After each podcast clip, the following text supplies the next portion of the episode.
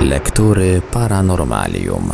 Dziś w lekturach Paranormalium zaprezentujemy ostatnie strony niezwykle kontrowersyjnej i mocnej książki Lecha Szewczyka Służby Specjalne RP czy Mafia. Zapraszamy do słuchania.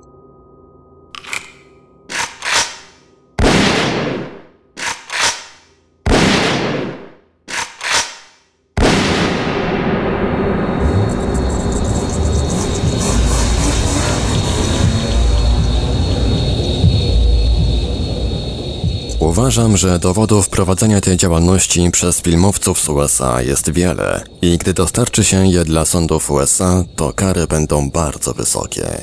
Dojdzie do tego kompromitacja tych uważanych za artystów, a nawet bóstwa osobników. Ponadto celem przeprowadzenia śledztwa, zdobycia więcej dowodów, można zwrócić się do FBI, Federalne Biuro Śledcze USA. Należy przypuszczać, że przyjadą i przeprowadzą je, skoro w Polsce nie ma instytucji, która powinna to zrobić. Mogą zająć się tym również dlatego, bo to przecież filmowcy, obywatele USA są głównymi sprawcami tej afery, a oficerowie służb specjalnych RP tylko wynajętymi przez nich parobkami. Jak wiadomo, kary w USA za popełnione przestępstwa są bardzo wysokie.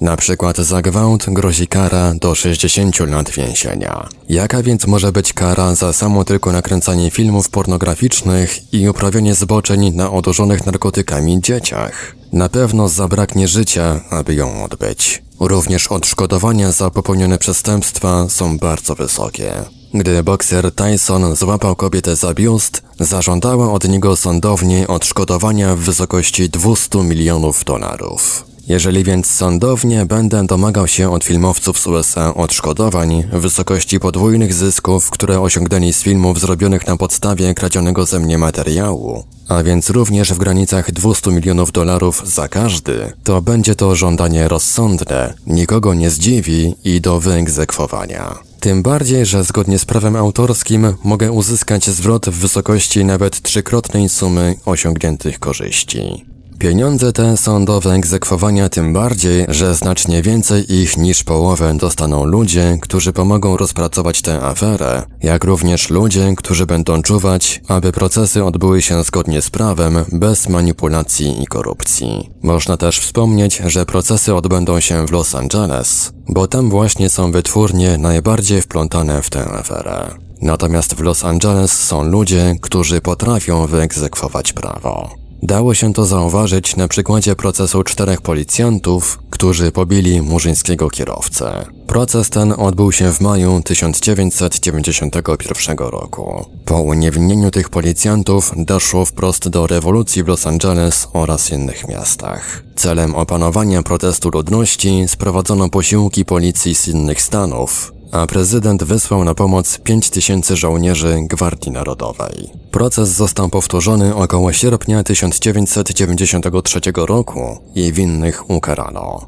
Natomiast pobitemu kierowcy przyznano 3 miliony 800 tysięcy dolarów amerykańskich odszkodowania. Można też twierdzić, że w USA nie uda się filmowcom zatuszować tych afer, tak jak to robią ich parobki w Polsce. Przekupywanie ludzi nic im nie pomoże, bo informacje na ten temat będę wszystkim rozdawał. Ponadto napiszę książkę z udziałem dziennikarzy, w których podam dokładnie wszystkie szczegóły afer wraz z nazwiskami. Nawet przy założeniu, że wszyscy są skorumpowani, to całego świata nie przekupią. Każdy przecież będzie chciał na tym zarobić. Rozdadzą więc wszystko, co ukradli na łapówki, a procesów i przedostania się szczegółów do opinii publicznej i tak nie unikną. Natomiast bez łupów i ochrony, jedynie na co będą mogli liczyć, to tylko na sprawiedliwe, zgodne z prawem wyroki.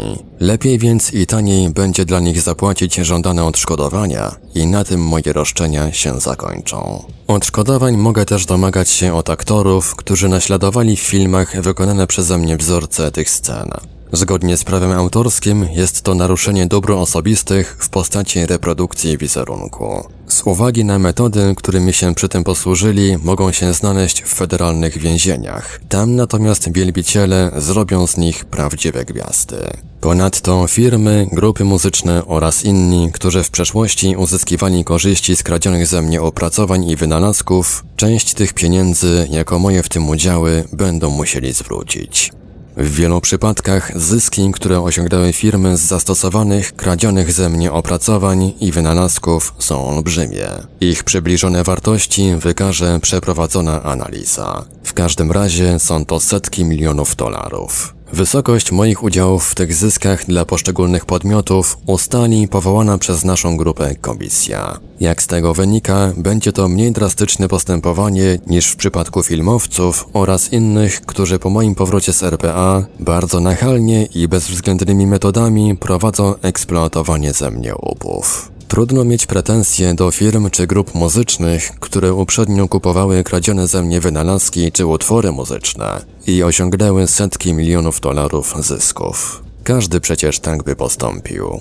Wówczas nie dało się w tej sprawie ze mną porozumieć, tak jak to można zrobić obecnie. Pretensje mogę mieć tylko do parobków, oficerów służb specjalnych RP, którzy od lat wczesnoszkolnych eksploatują mnie, w zamian robiąc mi życie na skraju ubóstwa, z pozbawieniem praw człowieka w poniżeniu i barbarzyńskiej udręce. Działaniami tymi zrobili już ze mnie psychopatę i dalej starają się zrobić wariata.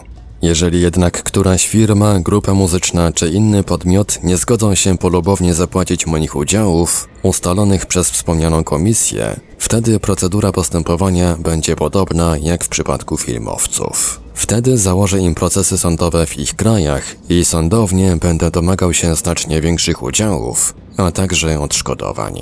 Ponadto wszystkie szczegóły dotyczące takich podmiotów podam do powszechnej wiadomości publicznej. Wówczas znacznie łatwiej będzie zdobyć dowody i wyegzekwować pieniądze. Ci bowiem, którzy w tym pomogą, dostaną z tych pieniędzy znaczne udziały. Podział odzyskanych pieniędzy będzie według ustalonych zasad. 50% tych pieniędzy dostaną ludzie, którzy pomogli mi przetrwać, przeżyć i doprowadzić sprawy do stanu obecnego.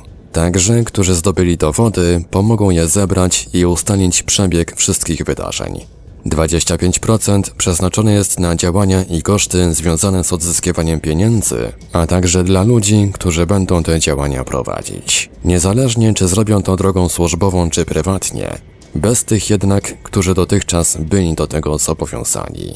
Jeżeli przy tym znajdzie się jakiś podmiot, np. firma, agencja prasowa, organizacja, placówka dyplomatyczna, kościół, agencja ochrony itd., tak czy nawet grupa mających odpowiednie możliwości ludzi i zechce przejąć sponsorstwo, poprowadzić te działania, wtedy dostanie 25% odzyskanych pieniędzy. Wówczas też wymienione składniki 50 i 25% zmniejszą się łącznie do 50%. Pozostałe 25% będzie stanowić rezerwę oraz mój udział. Też przecież muszę mieć pieniądze, aby chronić się przed państwem, a konkretniej mafią państwową, jej eksploatacją, wyzyskiem i barbarzyńską udręką. Prawdę mówiąc, bardziej zależy mi na uwolnieniu się od sprawców tej afery, ukaraniu ich, niż na udziale w odzyskanych pieniądzach. Te bowiem mogę łatwo zarobić później. W sumie więc pieniędzy do odzyskania i podziału jest bardzo dużo. Można założyć, że gdy zabierze się do tych działań nawet tysiąc osób, to średnio może przypaść 1 milion dolarów każdemu. Będzie to zależało od zaangażowania w rozpracowaniu tej afery. Według mojej propozycji, każdy kto w tym pomógł, będzie miał określony procentowy w niej udział. Wtedy z każdej odzyskanej sumy pieniędzy dostanie ten ustalony dla niego procent. To, czy ktoś jest duży czy mały, z dużego państwa, miasta czy małego, ma wysoki stopień czy niski i tak dalej, nie będzie istotne. Na pewno nie będzie tak, że ktoś się teraz chowa, czeka jaki będzie wynik tych działań czy mi się uda przeżyć, a później nagle powie, że jemu należy się największy udział, bo jest na przykład generałem. Liczyć się będzie tylko kto, ile realnie i konkretnie pomógł. Kto więc może udzielić informacji, ma jakiekolwiek dowody dotyczące tej afery, na przykład zdjęcia, nagrania, także gdy przebywałem w hipnozie w miejscach, w których przy normalnym stanie nie przebywałem, zdjęcia mojego szczególnego zachowania się pod wpływem hipnozy lub nałożonego mi programu, lub dowód, że w nocy zamiast spać w mieszkaniu przebywałem w innym miejscu i tak ten ma dużo pieniędzy. Na pewno więcej niż płacą sprawcy tej afery zachowanie się przede mną. Im więcej ktoś zbierze informacji i dowodów dotyczących tej afery, tym większy dostanie procentowy udział w odzyskanych pieniądzach. Dotyczy to również ludzi, którzy wkrótce dołączą i pomogą zdobyć następne dowody idąc śladem znanych informacji. Przede wszystkim dotyczy to tych, którzy mają możliwości i pomogą odtworzyć cały mój życiorys w hipnozie. Pomagać można także w dowolny inny sposób, choćby tylko asekurując prowadzone działania. Kontaktować się ze mną najłatwiej można przed lub po wyjściu z pracy. Adres Gorzów Wielkopolski, Wawrzyniaka 37. W domu ze względów bezpieczeństwa nieznajomych nie przyjmuję. Muszę też liczyć się z tym, że sprawcy tej afery mogą dalej przekupywać ludzi, aby chowali się przede mną. Przynajmniej tych, którzy skutecznie mogą im zaszkodzić. W takim przypadku mam nadzieję, że wszyscy, również z innych krajów, będą przyjeżdżać, aby z ich dobrodziejstwa skorzystać. Mogą nawet przyjeżdżać co tydzień i przysyłać innych. Jest to przecież dobry interes, bo wystarczy wówczas tylko chować się przede mną i już dostać od nich pieniądze oraz dodatkowo łajdaczkę. W ten sposób i tak nigdy nie zatuszują tej afery, bo ci, których przekupią, mogą wciąż mimo to w dowolnym czasie porozumieć się ze mną. Mnie to nie przeszkadza. Biorąc pod uwagę znane mi informacje oraz fakty, mogę twierdzić, że firmy oraz inne podmioty wplątane w tę aferę będą wolały uniknąć procesów i dogadać się, załatwić roszczenia w sposób polubowny. Tak to właśnie w świecie jest. Jeżeli komuś powinęła się noga, zwłaszcza gdy w grę wchodzą poważne przestępstwa, woli porozumieć się, zapłacić odszkodowanie i sprawa przechodzi w niepamięć. Wychodzi to znacznie taniej niż proces i związane z tym konsekwencje i awantura. Rozsądek jest bowiem dobrym doradcą. Upór, pokazywanie jakim jest się mocnym, lekceważenie przeciwnika może kosztować wszystko. To w świecie biznesu wiedzą wszyscy. Również i z tej afery ugodową drogą pieniądze da się odzyskać łatwo. Trzeba tylko zorganizować do tego odpowiednią grupę ludzi. W cywilizowanych krajach nie będzie możliwe tuszowanie tej afery za pojebanie i trochę drobnych, tak jak to dzieje się w Polsce. Tam morale urzędników państwowych jest wysokie i nie da się w ten sposób rozstroić kolejno urzędu po urzędzie. Ponadto tam każdy urząd jest chroniony przez służby specjalne, które łatwo wykryłyby korupcję. Te natomiast więcej mogą skorzystać, pomagając zgodnie z prawem odzyskać pieniądze, niż wchodzić w układy z przestępcami i wplątywać w kłopoty. W cywilizowanych krajach tym bardziej nikt za pojebać nie będzie tej afery tuszował, bo może to zrobić za 20 dolarów na pracownicach wywiadu RP. Korzyść z takiego podejścia do sprawy także taka, że uniknie robienia z siebie pacana, sprzedawczyka i pośmiewiska. Lepiej mu zapłacić 20 dolarów i raporty pisać według własnego uznania i zgodnie z prawdą. Do odzyskania i podziału są przecież setki milionów dolarów. Być może znajdą się firmy lub osoby prywatne, które wybiorą procesy sądowe zamiast polubownie rozstrzygnąć roszczenia. Mogą liczyć się wtedy z tym, że znane mi fakty dotyczące ich spraw, rozdane każdemu kto zechce, zainteresują zawodowców od takich konfliktów z całego świata. Zbiorą się dziennikarze, łowcy nagród, agenci, policjanci, detektywi, służby specjalne oraz inni pójdą śladem podanych informacji i zdobędą masę dowodów.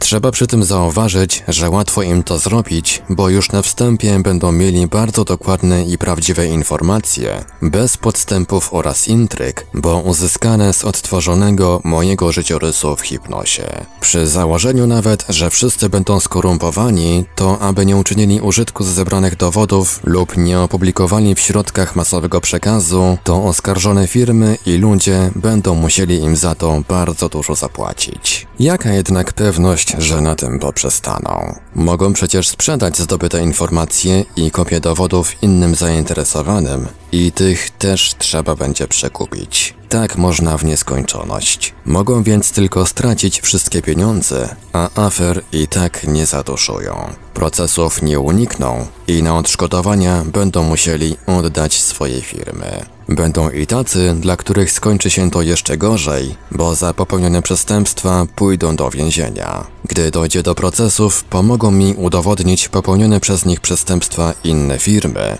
choćby dlatego, aby pozbyć się konkurencji. Mogę też odtworzyć, po czym ujawnić lub sprzedać konkurencyjnym firmom tajemnice techniczno-technologiczne kradzionych ze mnie wynalazków. Wykorzystując więc wszystkie legalne tylko możliwości, można spowodować straty znacznie przewyższające zaproponowane odszkodowanie. W sprawy te włączą się też organa ścigania tych krajów, zobowiązane przeprowadzić śledztwa i założyć procesy karne. Zrozumiałe, że pomogę przy tym zdobywać dowody. Straszyć mnie też nie ma co, bo to broń obosieczna. Może bowiem okazać się, że to, co oni musieliby komuś zlecić, ja potrafię zrobić sam i kto wie, czy nie lepiej. Warto też wspomnieć, że w świecie bardzo lubią tego rodzaju afery i procesy. Napędzają bowiem koniunkturę oraz są źródłem zajęcia i dochodów wielkiej rzeszy ludzi.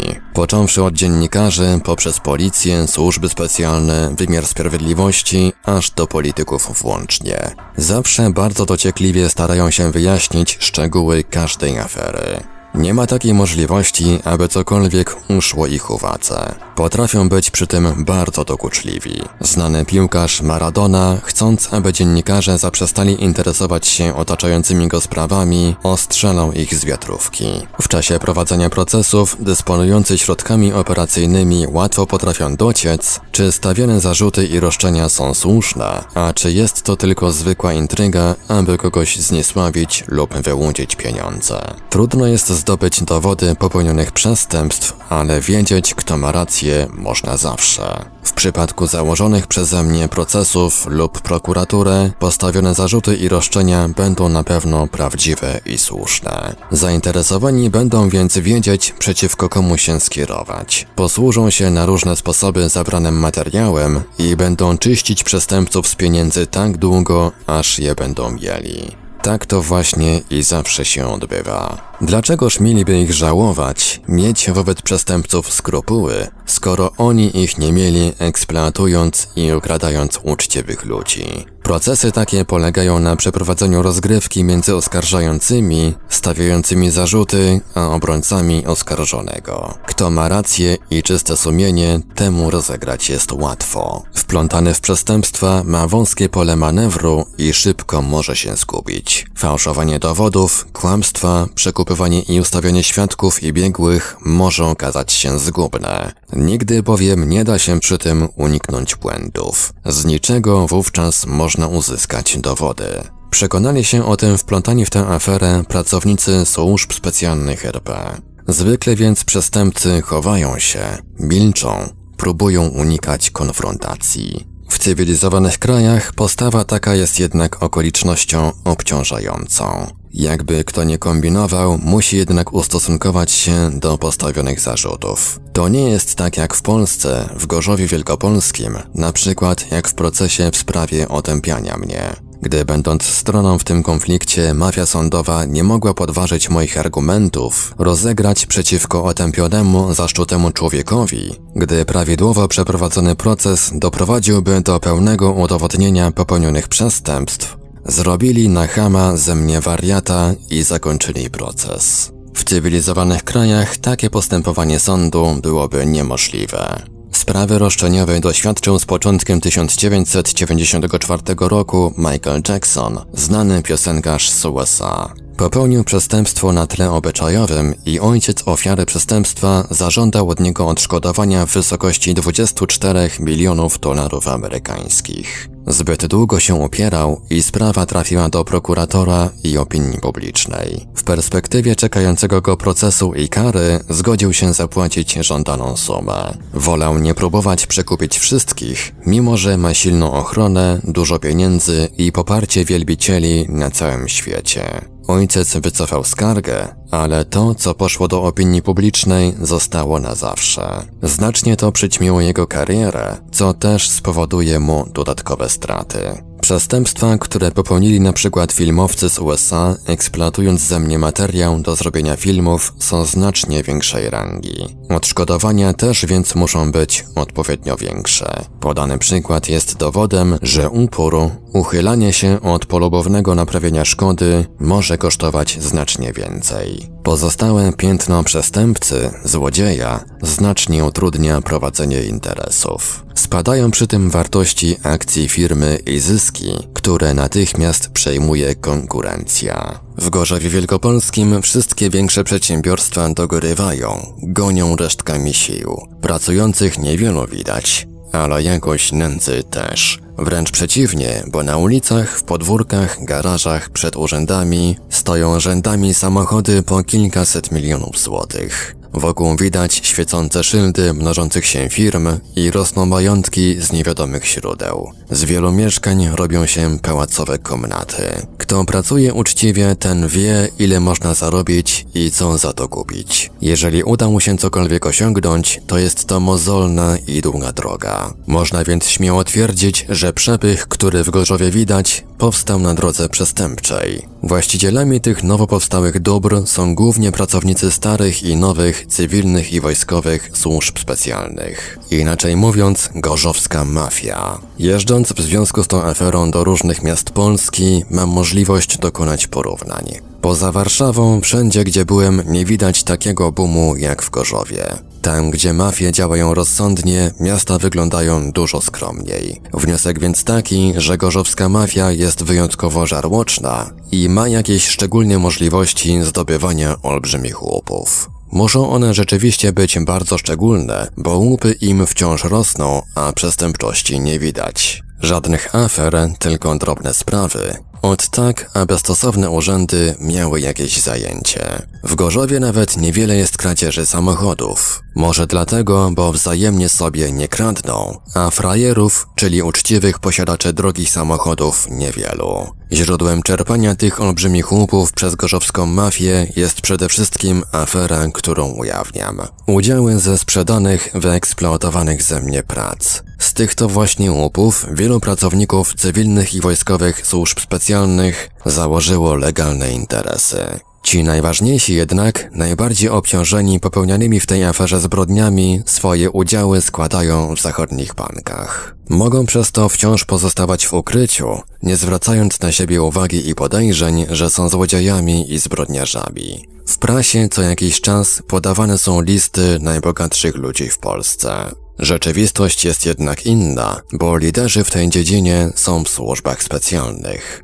Ci na listach podawanych przez prasę są przy nich drobnymi ciłaczami. Tak więc pieniądze pochodzące z wyeksploatowanych ze mnie prac są do odzyskania również w Polsce. Tylko w Gorzowie Wielkopolskim jest ich kilkadziesiąt milionów dolarów amerykańskich. W cywilizowanych krajach dałoby się je odzyskać łatwo. Wystarczyłoby podać informacje, argumenty i wskazać poszczególnych osobników. Wtedy odpowiednie służby przeprowadziłyby śledztwo, zaczynając od dokładnego rozliczenia ich z posiadanych majątków. W Polsce ponoć takie instytucje też są, ale ze znanych powodów w interesy szarej strefy nie wnikają. Co najwyżej rozliczą kogoś uczciwego, aby postraszyć i uniemożliwić mu założenie własnej firmy, wejść w sferę przeznaczoną dla wybranych. Możliwe jednak, że i w Polsce w przyszłości będą jakieś władze i instytucje, które zechcą takie postępowanie wobec tych osób przeprowadzić. Chciałbym bowiem, aby powstałe z wyeksploatowanych ze mnie łupów biznesy dostały się ludziom, którzy pomogą je im odebrać. Drugim miejscem, gdzie gorzowska mafia zgarnia olbrzymie łupy jest szpital psychiatryczny w Gorzowie Wielkopolskim. Podane dwa wątki rozwiązują tajemnicę sukcesu gorzowskiej mafii. Może zdobywać olbrzymie łupy bez hucznych włamań, rabunków i napadów, jak to ma miejsce w innych miastach. Tymczasem, zanim będzie możliwe przeprowadzić przeciwko nim postępowanie karne, można podać do wiadomości publicznej ich nazwiska i adresy zamieszkania. Również, które ich biznesy powstały z dojenia spermy i prowadzenia selekcji ludności, a które zrobienia z ludzi wariatów. Mogą być pewni, że od tego czasu im oraz ich rodzinom zacznie się mieszkać i żyć znacznie gorzej. Znawcy zagadnień bezpieczeństwa i przestępczości łatwo dojdą do wniosku, że podane w niniejszej książce informacje są prawdziwe. Zbyt dużo w nich faktów i szczegółów spraw, do których mają dostęp tylko niewielkie kręgi ludzi. Kto Ktoś taki, za którego podają mnie pracownicy służb specjalnych RP, nie miałby żadnych możliwości, aby te zagadnienia poznać. Natomiast ludzie spoza branży, mogący mieć możliwości przy analizie podanych informacji, powinni postawić pytanie: czy to możliwe, aby w tej masie materiału wszystko było urojone, zmyślone, fantazją, jak to właśnie chcieliby zasugerować sprawcy tej afery? Przypuszczam, że każdy może w całej treści znaleźć wątek, który uzna, że na pewno jest prawdziwy. Gdy zada sobie nieco trudu i pójdzie śladem tego wątku, wówczas szybko przekona się, że potwierdzą się i następne. W ten sposób, zdobywając kolejne argumenty i dowody, przekona się, że całość jest prawdziwa. Im mniej przy tym będzie korzystał z pomocy sprawców tej afery, tym łatwiej i szybciej do tego wniosku dojdzie. Przede wszystkim może ktoś spróbuje dociec, dlaczego nikt nie chce przeprowadzić śledztwa. Dlaczego ci, którzy powinni to zrobić, w całej Polsce chowają się przede mną, a gdy uda się rozmawiać, to robią się naiwni, ociemniali, nic nie wiedzą, nie znają mnie, a nawet nie rozumieją co mówię. Natomiast wracając z RPA do Polski, łatwo rozpoznali mnie już na lotnisku Okęcie. Wiedzieli dokładnie kiedy wracam, mimo że nikogo w Polsce o tym nie powiadomiłem. Również wykrywacz kłamstw wykazał, że są tacy, którzy powinni znać mnie bardzo dobrze. Z jakiego powodu wykazali tak wielkie zainteresowanie mną? Przecież innych powracających z zagranicy nie sprawdzają wykrywaczem kłamstw. Według mojego rozeznania ta zmowa milczenia, powszechna głupota, wynika stąd, że centrale urzędów zabroniły komukolwiek zajmować się tą aferą, a nawet rozmawiać ze mną. Powód jest łatwy do stwierdzenia. Mają udziały w uzyskiwanych ze mnie łupach, których nie chcą stracić. Ponadto prowadzone śledztwa wykażą wiele przestępstw wchodzących w skład tej afery, znanych nazwisk i mafijnych powiązań. Chcąc się przed tym uchronić i zachować łupy, nałożyli więc na całość kompletną blokadę. Ktoś powiedział, że sprawa ta jest jeszcze bardziej tłamszona niż afera FOZ, Fundusz Obsługi Zadłużenia Zagranicznego. W aferze FOZ dało się przeprowadzić chociaż jakieś śledztwo, a na temat tej nie wolno nawet rozmawiać. Musi więc być znacznie większej rangi, a niektórzy oceniają, że w aferze FOZ przeciekło ponad 10 miliardów dolarów amerykańskich. W tej w Polsce dostało się jej sprawcom dużo mniej, jednakże popełnili zbrodnie na cały zakres kodeksu karnego. To więc jest główną przyczyną, że tak usilnie ją tuszują. Ile natomiast uzyskały z tej afery w krajach zachodnich firmy oraz ludzie, trudno powiedzieć. Być może znacznie więcej. Ponadto, jeżeli za sprawą tą nie kryją się olbrzymie pieniądze i fakty, które podałem, to dlaczego pracownicy służb specjalnych RP tak zaciekle tłamszą mnie z wyglądu, zachowania, ubioru, wymowy, pozycji zawodowej itd.? Po co robią ze mnie aż tak negatywny obraz człowieka? Co tak bardzo starają się we mnie zakamuflować? Wiele bowiem faktów zdecydowanie wskazuje, że nie jest to mój prawdziwy wizerunek. Nawet gdyby ktoś dał się nabrać na cały ten kamuflaż wokół mnie i tej afery, oraz że całość jest zmyślona kłamstwem, oszustwem, to jednocześnie musiałby przyznać, że pomysłów mi przy tym nie brakowało. Chciałbym wówczas zapytać, po co mając takie pomysły, miałbym akurat w ten sposób oszukiwać. Dlaczegoż miałbym uderzać w mafię i narażać się na barbarzyństwa, utratę zdrowia i życia? Może jednak dałoby się przyznać, że potrafiłbym lepiej i z konkretną korzyścią materialną zrobić użytek ze swoich pomysłów. Przecież widzę, jak i jakimi metodami rosną wokół fortuny, że korzyści w Polsce odnosi się z niszczenia i kradzieży, a stworzenia i starań naprawy złego są tylko kłopoty. Nasuwa się więc pytanie, czy gdybym był oszustem, zamiast robić z siebie frajera, męczennika, skazywać się na prymitywne, pełne udręki życie, pracować za 70% średniej krajowej, nie wolałbym związać się z szarą strefą i jak inni gromadzić łupy. Do tego czasu mógłbym mieć ukradzione przynajmniej jedno przedsiębiorstwo lub wyłudzoną z banków pokaźną sumę w miliardach złotych. Jestem pewny, że mafia wolałaby dać mi jakieś u siebie zajęcie, wykorzystywać z obopólną korzyścią moje pomysły,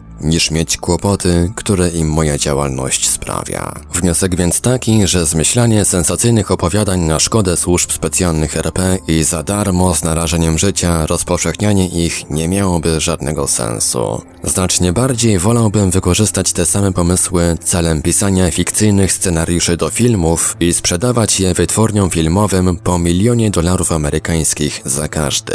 Za dobry scenariusz można dostać nawet 3 miliony dolarów amerykańskich. Jak już wyjaśniłem, działalność moja wzięła się z konieczności obrony przed eksploatującymi mnie psychicznie chorymi pracownikami służb specjalnych RP. Uroiło im się, że jestem ich niewolnikiem, że mają prawo bezwarunkowo mnie eksploatować i jeszcze na ironię zaspokajać na mnie i mojej rodzinie swoje choroby psychiczne. Stale poniżają, ośmieszają i robią ze mnie wariata. Tak więc nie dali mi jakiejkolwiek szansy wyboru. Sami zadecydowali, jaki będzie mój los. Wszystko co możliwe zgarniają ze mnie dla siebie. Dla mnie nie przewidzieli z tego nic. W związku z tą sytuacją nie miałem żadnych możliwości, aby podjąć inicjatywę we własnym zakresie, czy nawet spróbować wejść w szarą strefę. To ja zostałem obiektem żerowania szarej strefy, źródłem zdobywania olbrzymich łupów. Gdyby wplątani w tę aferę pracownicy służb specjalnych RP byli normalni, zdrowi psychicznie,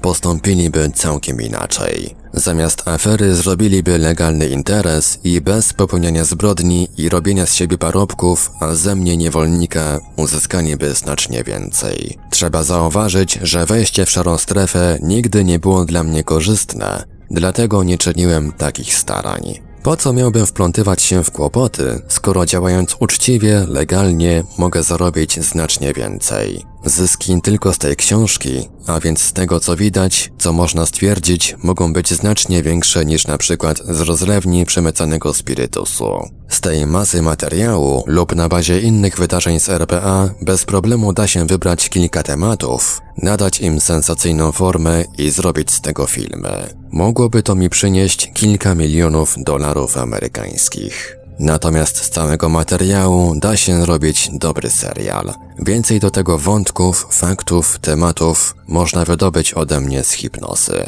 Uzyskałbym tak następnych kilka milionów dolarów amerykańskich. Do tego mógłbym skomponować muzykę i są następne pieniądze. Ponadto odtworzenie mojego życiorysu w hipnozie pozwoli odkryć całą kopalnię tematów do nakręcenia filmów. Wciąż przecież u mnie coś się działo i każda afera, grupa przestępstw, do popełniania których wysłużyli się mną w hipnozie różni ludzie, mogą być takimi tematami. A jaki ładny będzie film ukazujący jak parobki ze służb specjalnych RP eksploatują kogoś, aby pozyskać materiały do zrobienia filmów, jak wplątują w tę aferę ludzi, a później dla zatarcia śladów ich mordują, jakie zdobywają z tego łupy, w jaki sposób eksploatowanego człowieka poniżają, ośmieszają i robią mu prymitywne, pełne udręki życie. Następnie, jak inni złodzieje, robią z tego materiału filmy i dostają Oscary. Dobrym też tematem do nakręcenia filmu jest afera tajemniczych zgonów w szpitalu psychiatrycznym w Gorzowie Wielkopolskim. Prowadzone przez prokuraturę śledztwo nie dało rezultatów. Przyczyn afery nie udało się wykryć. Dalszy ciąg mógłby być taki. Załóżmy, że jest w Polsce jakaś służba specjalna, która zajmuje się bezpieczeństwem ludności. Wprowadza do tego szpitala agenta w charakterze pacjenta, który rozwiązuje zagadkę. Wykrywa przy tym inne, makabryczne, przynoszące niezłe zyski praktyki. Dalszy ciąg, a więc jakie konkretnie ten agent prowadzi działania, jakie ma przy tym kłopoty i jak sobie z nimi radzi, zachowam w pamięci. To na możliwość, gdyby znalazł się uczciwy filmowiec i zechciał temat ten oraz wiele innych ode mnie kupić. Przynajmniej w ten sposób dałoby się pokazać, dlaczego w Polsce nie daje się wprowadzić ustawy psychiatrycznej. Możliwe jednak, że parobki wyciągnęli już ten temat ode mnie w hipnozie i sprzedali za milion dolarów innym złodziejom. Potrzebują przecież pieniędzy na opłacenie łajdaczek obsługujących komisje sprawdzające podane przeze mnie informacje. Wspomniałem już, że najważniejszy do zrobienia filmu jest dobry temat. Całą resztę łatwo zrobią odpowiedni ludzie i technika. Zyski z tego biznesu są olbrzymie. Mam więc nadzieję, że znajdę ludzi, których zainteresuje ten materiał. Przede wszystkim mam na myśli takich ludzi, którzy będą rozmawiać na ten temat ze mną, a nie jak ci dotychczas z barbarzyńcami ze służb specjalnych RP. Trzeba zauważyć, że wszystko co kupione od nich jest zwykłym łupem. Natomiast współpraca z nimi przy zdobywaniu tego łupu jest współudziałem w popełnianych przez nich zbrodniach. Prowadzony na takich zasadach biznes wychodzi bardzo drogo. Łupem bowiem zawsze trzeba się dzielić, a ukrywanie popełnionych przy tym przestępstw też kosztuje sporo. Znacznie rozsądniej więc jest dogadać się w tej sprawie ze mną. Warto jednak zrobić to w normalnych warunkach. Posłużenie się bowiem przy tym metodami operacyjnymi, hipnozą, przy usłużnej pomocy sprawców tej afery jest podstawowym błędem. W czasie takich rozmów sterują mną tak, że nie daje się ze mną dogadać. Ponoć ustawiają mnie tak, że wszystkim ubliżam, lekceważę i stawiam niemożliwe do przyjęcia warunki. Rzeczywistość jest jednak taka, że sytuacja, w której jestem, zmusza mnie do postawienia bardzo niskich wymagań, nawet poniżej granicy rozsądku.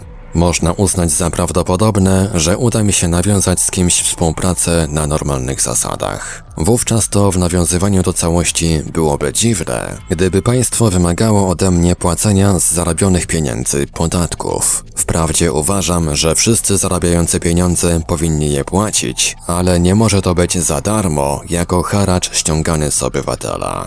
Z podatków utrzymywany jest potężny aparat państwowy, który w zamian ma obowiązek świadczyć dla podatników cały szereg usług. Przede wszystkim w zakresie edukacji, lecznictwa, sądownictwa, bezpieczeństwa, obronności, ale też wiele innych. Tak właśnie jest we wszystkich cywilizowanych krajach. Uchylający się od płacenia podatków na wielką skalę zwykle zorganizowani są w organizacje przestępcze i wszystkie usługi państwa należne płacącym podatki pokrywają z własnych funduszy. Sami też na własny koszt organizują sobie systemy bezpieczeństwa. W mojej sytuacji, mimo że płacę podatki i nie popełniam przestępstw, to państwo żadnych świadczeń wobec mnie nie chce pełnić. Dla mnie nie działa jakikolwiek urząd. Jestem w sytuacji pozbawionego praw obywatelskich i publicznych. Przedstawiciele państwa pozbawiają mnie praw człowieka, eksploatują, poniżają i robią wariata. W dowolny też sposób zaspokajają na mnie swoje choroby psychiczne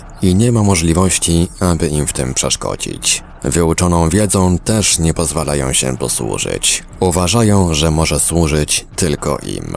Jak dotychczas udało się zachować miejsce pracy za pensję w wysokości 70% średniej krajowej, ale powierzonej pracy i tak nie pozwalają wykonać. Otępiają, a przy pomocy swoich konfidentów podrywają autorytet, robią intrygi i wywołują konflikty.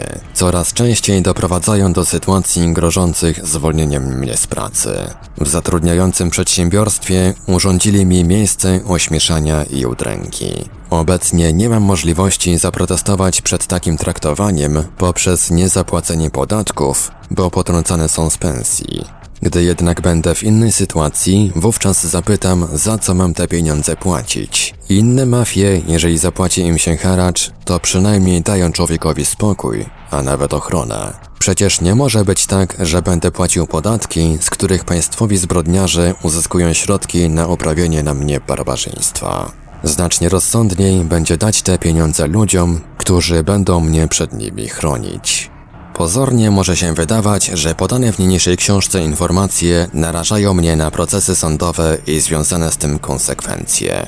Jednakże tak nie jest. Ze strony prawnej nic mi nie grozi, nawet jeśli nie wszystkie podane fakty mógłbym natychmiast udowodnić. Informacje, które mogłyby stanowić takie zagrożenie, zostały uprzednio przekazane do wszystkich możliwych urzędów w Polsce. W tych najważniejszych, centralnych nawet po kilka razy. Podane fakty były wielokrotnie przez służby tych urzędów sprawdzane są prawdziwe. Sprawdzający zdobyli na to dowody, dlatego nikt nigdy ich nie kwestionował. Tak też i urzędy państwowe przejęły odpowiedzialność za ich rozpowszechnianie. Jak wiadomo, ujawnianie i rozpowszechnianie prawdziwych informacji nie jest sprzeczne z prawem. Tak też nigdy nie postawiono mi w tej kwestii jakichkolwiek zarzutów. Natomiast gdybym jeździł od miasta do miasta i na przykład wybijał szyby w urzędach, to byłoby to przestępstwo i na pewno zostałbym aresztowany i postawiony przed sądem. Logiczne przecież. Wszyscy też, którzy mogliby poczuć się urażeni z powodu podanych informacji, wiedzą, że je rozpowszechniam już ponad 9 lat. Nawet jeżeli nie czytali rozpowszechnianych pism, to dowiedzieli się o szczegółach od sprawdzających te informacje. Byłoby więc przynajmniej dziwne, gdyby teraz zgłosili jakieś pretensje. Przyjęli zasadę, ujawnię sobie ile chcesz, a my będziemy chować się i nic nam nie zrobisz. A więc ja napisałem tę książkę i niech się chowają dalej. W przypadku, gdyby jednak znalazł się ktoś czujący się pokrzywdzony, to niech zgłosi się z pretensjami do stosownych instytucji państwowych. Tam potrafią przypomnieć mu jak było, a nawet przedłożą zgromadzone dowody. Jeżeli nie zechcą tego zrobić, wówczas pokrzywdzeni mogą zaskarżyć wiele instytucji państwowych o wysokie odszkodowania za to, że przez ponad 9 lat pozwalały mi rozpowszechniać informacje na ich szkodę. Wówczas na pewno dowody potwierdzające te informacje się znajdą. Jak można zauważyć, nazwisk konkretnych osób nie podałem, Czyli pokrzywdzone tak mogą czuć się tylko pewne instytucje państwowe. Są to głównie te, które właśnie powinny przeprowadzić postępowanie w tej sprawie. Musiałyby więc zaskarżyć same siebie. Jak na przykład wytłumaczą fakt chowania się przede mną? Co, może powiedzą, że wariat i to dlatego wszyscy przez ponad 9 lat bali się z jednym wariatem rozmawiać, wezwać na przesłuchanie i wysłuchać wyjaśnień. Kto więc tu zachowuje się nienormalnie? Może dla ustalenia tego dobrze by było dowiedzieć się, w jaki sposób postępują urzędnicy państwowi w cywilizowanych krajach ze sprawami, z którymi zwracają się do nich obywatele. Bardziej więc prawdopodobne, że dalej będą unikać otwartej konfrontacji. Posłużą się otępiakami, aby wszystko podważyć, ośmieszyć i zrobić ze mnie wariata. Nie po to przecież przez ponad 9 lat chowali się przede mną, aby teraz wystawić w procesach i publicznie wyjaśnić wszystkie nieprawidłowości w postępowaniu. Cokolwiek w procesach ruszyliby, zaraz wysypią się afery, korupcja, barbarzyństwa i głupota. Zgubią się w kłamstwach i sami tak potwierdzą wszystko. Wielokrotnie straszyli, że jak zrobią mi proces, to upilnują, że w całej Polsce nie znajdę adwokata, który chciałby mnie bronić. Jak dotychczas nie było to konieczne, bo to oni przez ponad 9 lat nie mogą znaleźć prokuratora, który na podstawie ich spreparowanych przeciwko mnie dowodów chciałby mnie oskarżyć. Jest jeszcze jedna droga, aby bronić się przed psychicznie chorymi pracownikami służb specjalnych RP, którzy celem zaspokojenia swojego sadyzmu torturują, pozbawiają praw człowieka i mordują ludzi przy użyciu broni psychologicznej, metod i środków operacyjnych. Trzeba zebrać nękanych w ten sposób ludzi, a którzy chcieliby bronić się przed barbarzyńskimi dokuczliwościami i planowanymi nieszczęściami. Następnie zrzeszyć się w organizację, na przykład samoobronę obywatelską. Skargi i protesty pojedynczych osób na nic się zdadzą, bo łatwo z każdego zrobią wariata, a obecnie mogą nawet zamordować. Znam to bardzo dobrze z własnego doświadczenia. Dalej trzeba zebrać od tych ludzi wszystkie informacje na ten temat oraz postarać się sensownie wykazać, kto to robi. Będąc już w ten sposób przygotowanym, można urządzić demonstrację przed stosownymi urzędami, aby wydali oprawców. Można to zrobić również w Warszawie przed urzędami centralnymi. Przede wszystkim jednak należałoby zwrócić się do organizacji międzynarodowych, aby pomogły w działaniach na rzecz przestrzegania praw człowieka w Polsce. Gdyby pracownicy służb specjalnych RP w odwet mordowali członków takiej organizacji, na przykład gdyby dostawali zawał serca lub wpadali pod samochody, to wówczas ofiary takich zbrodni przed pochówkiem można by zawozić przed budynek Urzędu Ochrony Państwa. Niechby wszyscy zobaczyli, za jaką pracę podatnicy płacą im pensje i kupują samochody. Natomiast wiedząc, gdzie mieszkają uprawiający barbarzyństwo na ludności osobnicy, można by zawozić im ofiarę do domów, aby i ich rodziny mogły zobaczyć, kogo tatusie ostatnio zamordowali. W Polsce oczywiście nikogo to nie obchodzi i można by protestować ile się zechce. Któż to z władz będzie narażał na szwank własne interesy i przeszkadzał zaspokajać swoje choroby psychiczne barbarzyńcom posługującym się bronią psychologiczną? Działalność takiej organizacji przyniosłaby jednak pewien problem, z którym władze musiałyby się liczyć. Jak bowiem wiadomo, mafia dąży, aby Polskę przyjęto do NATO i Unii Europejskiej. Jeżeli przy takich staraniach ujdą afery, okradanie społeczeństwa z majątku narodowego, to łamanie praw człowieka i podstępne tortury na pewno nie. Obojętnie jak przemyślną jest to prowadzone metodą, nawet z użyciem broni psychologicznej, metod i środków operacyjnych. Większość dotkniętych tą działalnością ludzi nie zdaje sobie sprawy, skąd bierze się ich udręka i nieszczęście. Są jednak tacy, którzy znają ten mechanizm bardzo dobrze. Dokładnie wiedzą, kto to robi i w jaki sposób. Problem tylko w tym, że w Polsce nie ma do kogo zwrócić się po pomoc. Przede wszystkim działalność taką prowadzą na ludziach przeszkadzających im w popełnianiu przestępstw. Często są nimi agenci, współpracownicy policji i służb specjalnych, wykonujący uczciwie swoje zadania. Kontynuują nawet gdy ludzie ci są już w podeszłym wieku. Między innymi wywołują im trudne lub niemożliwe w leczeniu choroby, stopniowo ich zżerające. Kobietą w Gorzowie Wielkopolskim bardzo lubią programować wypadki ze złamaniem ręki w nadgarstku. Szefowie używają do tych działań swoich psychicznie chorych podwładnych, którzy posługując się bronią psychologiczną, z przyjemnością taką robotę wykonują. W cywilizowanych krajach policja nigdy nie pozwoliłaby na represjonowanie swoich agentów. Nieznani sprawcy wypeklowaliby buźkę takiemu barbarzyńcy młotkami do mięsa i problem przestałby istnieć. Udrękę powodują też ludziom z przyczyn niezrozumiałych. Trudno przecież powiedzieć, czym można narazić się psychicznie choremu barbarzyńcy, dysponującemu bronią psychologiczną. Gdy zaczną kogoś prześladować, nie przestaną już nigdy. Z własnego doświadczenia wiem, że najlepiej jest ustępować im i nie dawać ku tym działaniom możliwości. Bronić się przed bronią psychologiczną jest bardzo trudno i dlatego lepiej jest ustąpić. Gdy zabezpieczy się przed jednym, to zrobią co innego. Im więcej stara się z tym walczyć, tym bardziej ich to podnieca i jeszcze bardziej dręczą.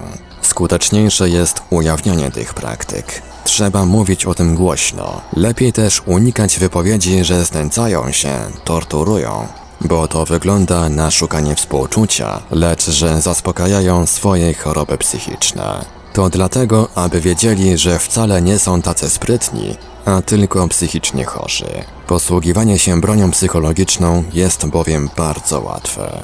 Jeżeli więc nie podoba im się na przykład jakieś małżeństwo i robią intrygi, dokuczliwości, to najlepiej ustąpić i rozwieść się. Próby rozwiązania konfliktów na nic się nie zdadzą, a tylko na udręce zajdzie całe życie.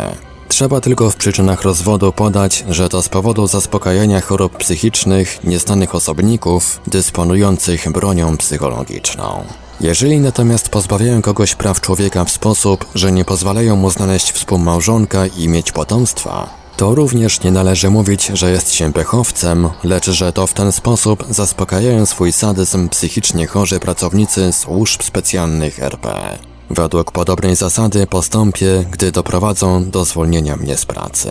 Jeżeli urzędnicy ochrony państwa nie chcą, abym pracował, to im ustąpię i nie będę. Potrzebując jednak środki na utrzymanie, będę ubiegał się, aby przyznano mi rentę. Jako powód podam otępienie, uniemożliwianie wykonywania powierzonej pracy przez pracowników służb specjalnych RP. Im natomiast założę proces, aby dopłacali do tej renty równowartość średniej płacy krajowej inżyniera. W obecnej sytuacji korupcji i bezprawia w Polsce nie ma innej możliwości, aby się przed nimi bronić. Nawet jeżeli z powodu gry w bambuko w sądzie RP nie da się wygrać takiego procesu, to przynajmniej znów udowodnię, jakimi metodami uprawiają barbarzyństwo na przeszkadzających im w prowadzeniu działalności mafijnej ludziach. W telewizji polskiej był program Telewizja Nocą. Właśnie autor tego programu bezwiednie pokazywał ofiary uprawiania barbarzyństwa, w tym podstępnie torturowanych ludzi. Pokazał przykłady zakamuflowanych obozów koncentracyjnych, które pracownicy służb specjalnych RP zrobili wielu rodzinom i ludziom dla łupów i zaspokajania swoich chorób psychicznych. Sprawcy takich zbrodni, chcąc uniemożliwić ich publikowanie, czynili naciski psychologiczne na autora tych programów. Robili mu dokuczliwości, straszyli, nasyłali psychopatów, aby ubliżali i napadali. Program Telewizja Nocą przestał być emitowany. Przypuszczam, że jednocześnie ustała i presja wywierana na autora. Tak też wreszcie, bo w pierwszej połowie 1994 roku dowiedzieliśmy się, że Polska wysunęła się już na pierwsze miejsce w świecie w liczbie zgonów na jednostkę mieszkańców. Umierają przeważnie młodzi mężczyźni na skutek wypadków, samobójstw i zawałów serca. W większości są to właśnie ludzie wybrani nadawców organów wewnętrznych do przeszczepów oraz ofiary podstępnie prowadzonych czystek i parachunków politycznych, narodowościowych i osobistych. Cmentarze ledwo nadążają z grzebaniem ofiar. W związku z tą szokującą statystyką w programie Debata w telewizji polskiej zebrała się grupa zacnych ludzi, w tym ze stopniami naukowymi, aby przedyskutować ten problem. Przeważało u nich stwierdzenie, że przyczyną tych zgonów są papierosy. Można jednak zauważyć, że w cywilizowanych krajach palą podobne ilości papierosów, ale tej sytuacji nie ma. Ponadto można zauważyć, że w Polsce liczba kobiet palących papierosy jest zbliżona do mężczyzn, a mimo to nadmiar zgonów ich nie dotyczy. Wydaje się nawet słuszne twierdzić, że w takim przypadku powinno być odwrotnie, gdyż kobiety mają słabsze, podatniejsze na degradację organizmy. Może więc lepiej nie zganiać na papierosy, lecz powiedzieć Polacy, zacznijcie się wreszcie bronić. Na państwo nie liczcie, bo żadnego państwa dla was nie ma. Jest tylko mafia państwowa przerabiająca Polaków i Polskę na łupy. Natomiast zacnym ludziom życzymy szybkiego wyjścia z ciemności. W pierwszej połowie 1994 roku dowiedzieliśmy się też, że ponoć nastąpił u nas tak duży wzrost gospodarczy, że Polskę można uważać za tygrysa Europy.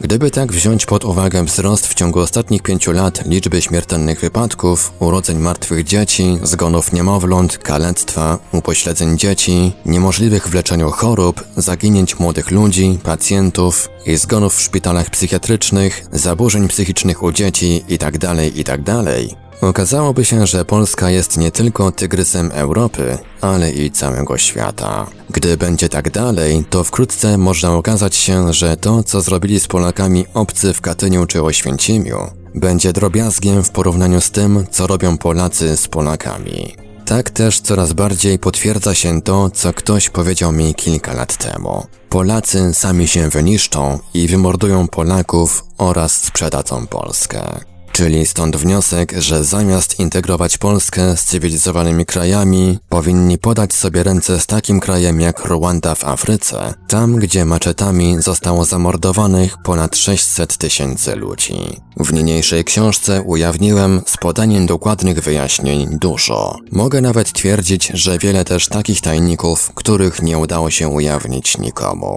Przypomnę jednak, że nie zrobiłem tego, aby zostać bohaterem. Po prostu taką tylko miałem możliwość, aby bronić się przed udręką, której poddali mnie chciwi, nienapasieni, psychicznie chorzy ludzie. Jeżeli więc ktokolwiek będzie miał pretensje, że ujawniłem zbyt wiele, to powinien je skierować właśnie do nich. I jak już przyjdzie na was czas, barbarzyńcy, i zrobią wam rozliczenie ostateczne, nie będzie istotne, ile zagarnęliście łupów i jak wysoko usiedliście. Liczyć się będzie tylko, czy przestrzegaliście ustalonych zasad.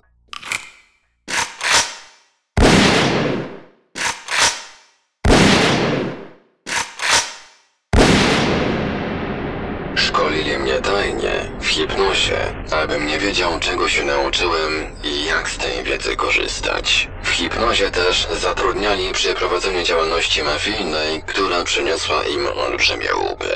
Zbliżał się stan wojenny w Polsce. Bali się, że zostanę internowany przez wojsko i całość ujawni się.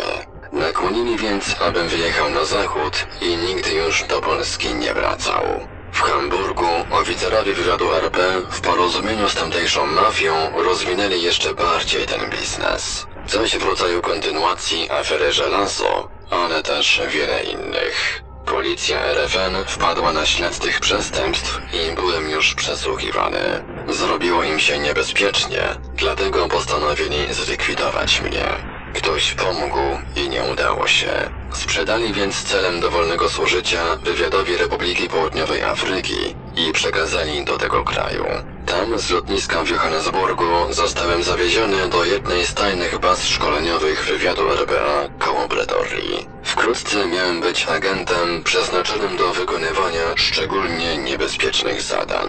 Jeden z oficerów służb specjalnych RP wplątanych w ujawnione w niniejszej publikacji afery straszył. Jeżeli nie uda nam się zmusić cię represjami do poddaństwa, to nawet gdy cię nie zlikwidujemy, to przynajmniej załatwimy ci taki proces, że w całej Polsce nie znajdziesz adwokata, który zechciałby cię bronić.